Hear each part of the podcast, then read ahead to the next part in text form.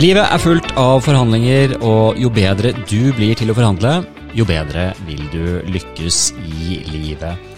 Hei og velkommen til Forhandlingsakademiet. Denne podkasten er for deg som er nysgjerrig på hvordan du kan bli bedre til å forhandle når du skal inngå små og store avtaler, eller løse konflikter enten du forhandler på jobben eller for deg og din familie. Jeg heter Eivind Arntzen, og jeg har jobbet som advokat i eh, over 15 år. Og som advokat så går jeg jo mye i forhandlinger, er i forhandlingsmøter, og jeg er i retten. Eh, I tillegg så holder jeg kurs om bl.a. forhandlingsteknikk. Og i dag så tenkte jeg å tilby meg å være din guide på en reise inn i forhandlingsteknikkens fantastiske og fascinerende verden. Og målet med denne første episoden av Forhandlingsakademiet, det er først og fremst å vise deg hvilke muligheter som venter etter hvert som du blir en bedre og tryggere forhandler. Jeg skal gjøre mitt beste for at denne podkasten skal bli enkel å fylle, følge, at den er fylt med inspirerende innhold, og ikke minst så er målet mitt å gi deg praktiske teknikker som du kan teste ut etter at du har hørt de forskjellige episodene. Så det vil komme litt eh, oppgaver og utfordringer her etter hvert. Eh, for det holder jo ikke bare å lære om teori, du må jo også ut og praktisere. Og jeg tenkte jeg skulle begynne med å, at vi kaster oss ut i det, og at jeg stiller deg et spørsmål. La oss se for oss at du skal ut og kjøpe noe, f.eks. at du skal kjøpe en ny bil. Så har du funnet ut uh, at det er uh, en bil som er til salgs, kanskje du har sett en annonse, du kommer i hvert fall i kontakt med selgeren, men det er ikke opplyst noe om pris. Se for oss det i dette eksempelet. Så kontakter du selgeren, og så er spørsmålet da det klassiske hvem bør komme med det første utspillet? Lønner det seg hvis du skal kjøpe og legge inn et bud med en gang, eh, eller bør du vente og høre hva selgeren eh, har av forventninger, så kan at du kan få vurdere det eh, og se hva du skal møte han med. Her er det selvfølgelig litt forskjellige måter å tilnærme seg det, og jeg vil tenke at noen vil gå for det første alternativet, andre vil tenke at det kan være litt smart å liksom, se hva selgeren har å tilby, før man nevner noen sum. Jeg skal i hvert fall eh, la få la den synke litt inn, og så kommer vi tilbake til den mot slutten av episoden, for jeg har et uh, klart råd uh, på hva som generelt er å anbefale i en sånn situasjon. Men først til uh, dagens tema, til denne oppvarmingsepisoden som skal være en introduksjon til forhandlingsteknikk. Hva er det vi skal snakke om da? Jo, det første jeg vil bruke litt tid på, det er å snakke med deg om hvorfor du bør bruke tid på å lære om forhandlingsteknikk. Uh, og så mot slutten så vil jeg også si litt mer om hva er det forhandlingsteknikk egentlig er. Hva er det som ligger i det begrepet. Så det er de to hovedstikkordene for denne episoden. Snakke litt overordnet om det, og så er jo dette begynnelsen på en lang serie, håper jeg, Eh, hvor vi skal komme tilbake til mange forskjellige mer detaljerte temaer innenfor forhandlingsteknikk. Men la oss begynne med det første. Hvorfor er det en god investering å bruke tid på å lære om forhandlingsteknikk? Og nå vil jeg jo tro at siden du har eh, satt av litt tid nå til å høre på meg og på denne podkasten, eh, at du har en formening om at det kan være lurt å lære seg mer om forhandlingsteknikk, at du i hvert fall er nysgjerrig på det. Og jeg har lyst til å begynne å oppmuntre deg til å virkelig sette dette på prioritetslisten. For jeg mener oppriktig eh, at kunnskap om forhandlinger det kan gjøre en helt enorm forskjell. Både for deg og ditt eget, men også for andres eh, liv. Du kan rett og slett oppnå helt fantastiske resultater, eh, både sånn pengemessig, men også på mange andre områder, ved å bli bedre på forhandlingsteknikk. Eh, jeg har jobbet med dette i noen år nå, og har personlig hatt gleden av å møte en av verdens mest anerkjente innenfor området. En av de beste forhandlerne vi har, eh, som har forhandlet mange fredsavtaler bl.a. Og han fortalte meg om hvordan han arbeidet eh, bl.a. med å stanse en av verdens lengste borgerkriger, borgerkrigen i Colombia, som tok livet av flere hundre tusen mennesker, og som selvfølgelig var en stor belastning i de 40 årene den pågikk der borte. Så forhandlingsteknikk kan brukes til å stanse kriger, men samtidig så er det sånn at de aller færreste av oss skal heldigvis ut og være fredsmeklere. Eh, men forhandlinger dreier seg jo om så mye mer enn å forhandle om krig og fred. Eh, det er mye forhandlinger i hverdagen eh, vår også. Jeg fant fram her, jeg har fått en e-post fra en tidligere deltaker som jeg hadde på forhandlingskurs for en, for en tid tilbake. Han er en gründer som jobber med å bygge opp en butikkjede. Utrolig flink kar. Han fortalte meg at han hadde vært på kurs, gikk rett inn i en viktig forhandling som han sto overfor. Så brukte han alt det han hadde lært av forhandlingsteknikk, det bare, han bare kjørte på. Og sa til meg at han var helt overbevist om at han på én en eneste avtale, én transaksjon, så hadde han bedret resultatet med flere millioner kroner ved å bruke de teknikkene som han hadde lært. Jeg syns det er utrolig gøy å få den type tilbakemeldinger. Ehm, et annet eksempel, det er litt spesielt, men det er eh, et stort konsern eh, som jeg jobber med. Eh, det er klart de har en de er veldig stor omsetning, mange mange milliarder. Og der ser man jo at bare det å gjøre bitte små justeringer på en del av de avtalene man gjør, så kan man snakke om veldig, veldig store resultater. Så så selv noen promiller i forbedring vil eh, ha veldig mye å si for foretaket. Der jobber vi med å implementere forhandlingsteknikk som en del av hele metodikken i selskapet for å gjøre det eh, bedre. Altså det oppnår gjennomgående bedre resultater. Men det er jo ikke sånn at man bare skal snakke om penger. Jeg var litt inne på Det også. Det, det handler om så mye mer enn det. Eh, det handler om andre aspekter enn penger og dealer. Eh, og, så det er lett å bruke penger som eksempel, fordi det er så målbart og det er så konkret. å si at her kan, ser vi at her kunne vi spare så og så mye. Men, men forhandlingsteknikk det handler også om relasjoner. Eh, og Det er noe man ikke kan sette en prislapp på. Eh, det handler om å finne løsninger når ting har låst seg. Uh, og det handler altså om dette med å bevare eller styrke relasjoner fremfor å ødelegge det i en forhandling. Og kombinere det med å få resultater som er gode for begge parter.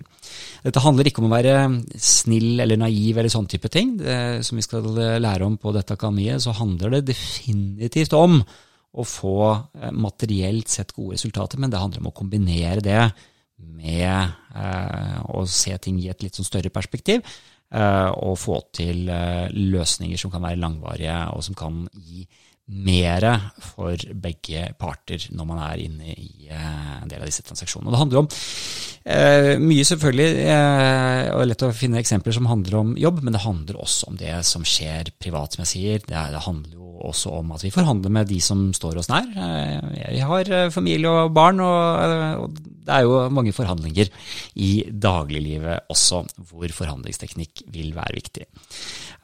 Og det som er viktig her, tenker jeg er det at etter hvert som man fordyper seg i forhandlingsteknikk, så vil du se at disse teknikkene de vil gjøre at man kan som sagt, altså bevare styrkerelasjoner, men det gjør også at selve forhandlingene kan bli både mer effektive, men også mindre stressende. Hvis du stopper opp litt og reflekterer rundt det, for eh, altså som sagt eh, Forhandlingene skal jo gi bra resultater, men det er også snakk om veien fram til de resultatene. Hvordan når vi de gode resultatene? Hvor lang er den veien å gå? Hvor mye energi må du bruke på veien? Eh, blir du stresset? Får du høye skuldre? Er det sånn at du ligger våken om natten og gruer deg til forhandlinger? Eh, og, og hvordan vil eh, relasjonen til de du har forhandlet med, være i etterkant? Hvordan vil det være neste gang man skal forhandle med dem, f.eks.? Det er også ting som det er viktig å være bevisst på, og hvor jeg er av den krystallklare oppfatning at Og dette er fordi jeg har jo erfart det selv også, Eh, gjennom veldig mange forhandlinger at eh, ved å bruke eh, gode forhandlingsteknikker, så vil du kunne få bedre resultat raskere og med mindre stress. Lave skuldre. Jeg får veldig sjelden puls i uh, forhandlinger lenger. Jeg har lært meg å ha teknikker, uh, både i forhold til hvordan jeg opptrer i forhandlingene, men også hvordan jeg håndterer stressituasjoner som gjør at uh, jeg opplever forhandlingene som mye greiere, rett og slett, for å si det sånn. Ok, vi skal snakke mye om dette. Det er eh, ikke sånn at vi kan ha noe quick fix på alle disse tingene her sånn i dag, men jeg ville snakke litt med deg om det, fordi dette handler om hva er det du kan få ut av forhandlingsteknikk? Hvorfor bør du eh, følge denne podkasten? Så jeg håper at eh, du tenker at dette her er interessant. Hvis du nå tenker at jeg trodde jeg skulle bare lære masse triks som skulle gjøre at jeg kunne lure min motpart, eh, da har du dessverre kommet til feil podkast, for det er ikke det som vil være målet her. Her vil det definitivt være et klart mål om at du skal få bedre avtaler, men det skal være altså, avtaler som er bra for begge, men først og fremst for deg, og at det også skal være robuste avtaler.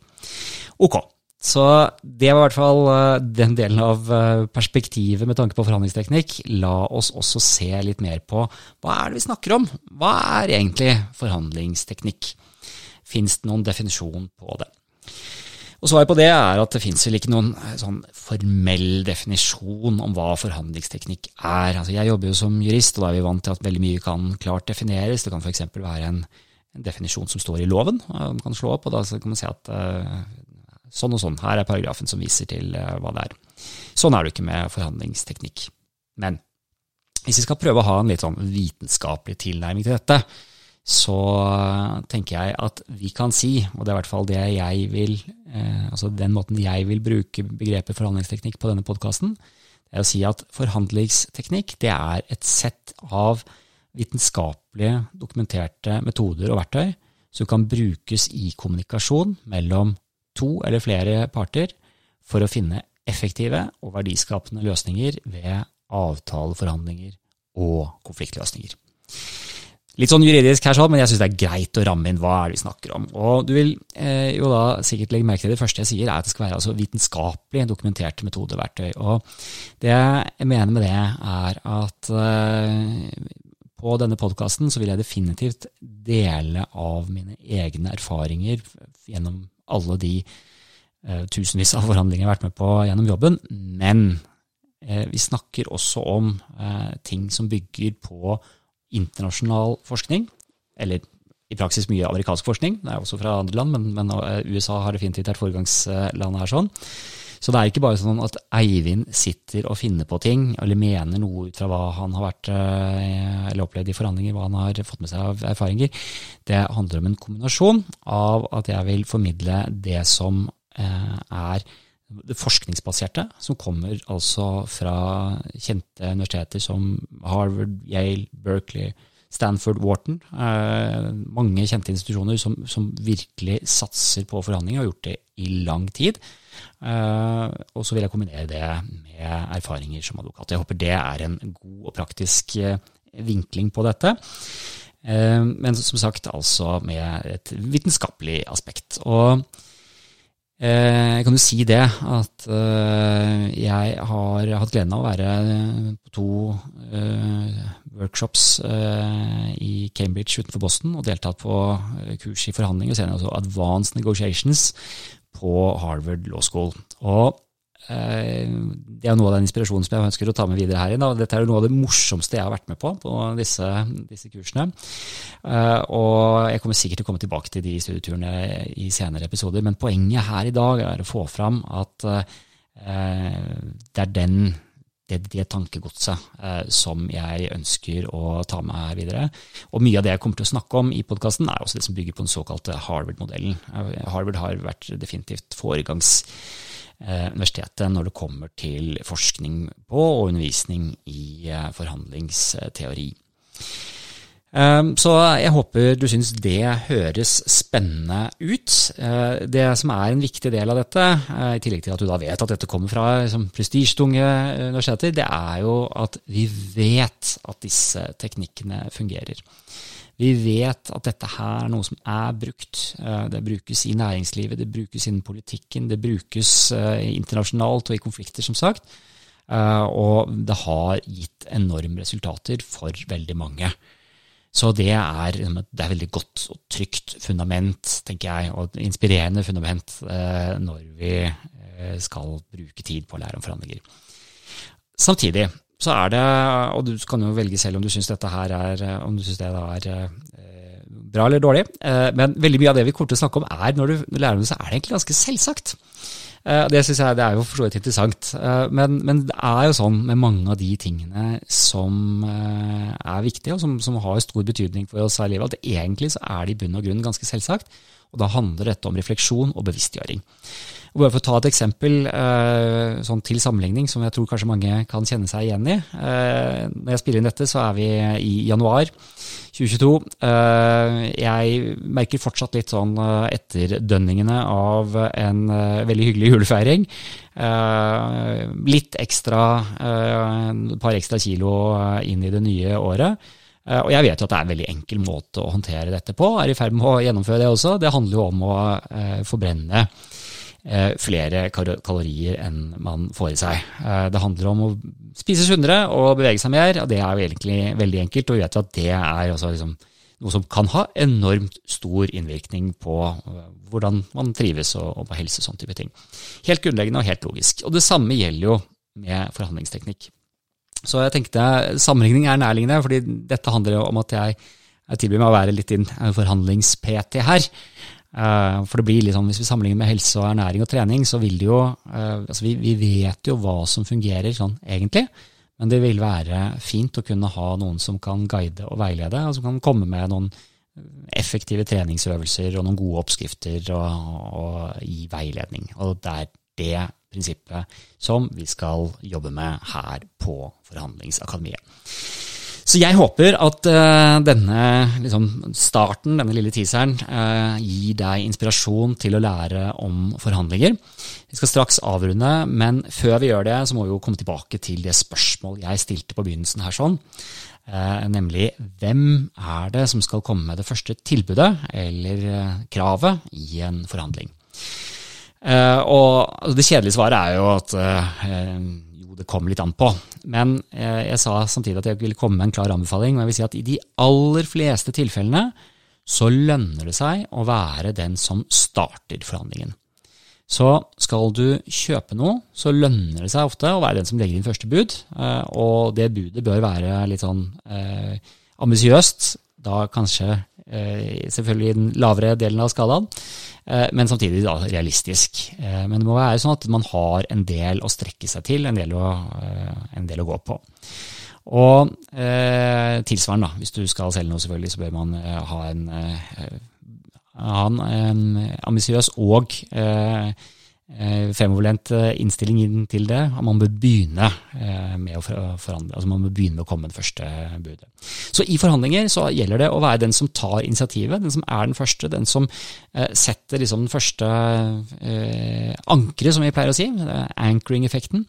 For den som først slipper ankeret, den vil definere startpunktet for forhandlingene. Og det blir jo sånn da, Hvis du ser tilbake på i etterkant, så, så, så ser vi ofte på startpunktet. Altså et enkelt eksempel på det er når man leser at eh, et hus gikk for to millioner over takst, f.eks. Hva er takst? Altså det er jo eh, ja, det er en takstmann som har hatt en mening om en verdi, eh, og det blir et sånt viktig referansepunkt. Men, men fasiten er jo egentlig salgssummen. Samtidig så vil man hele tiden se det opp mot det utgangspunktet som man begynte.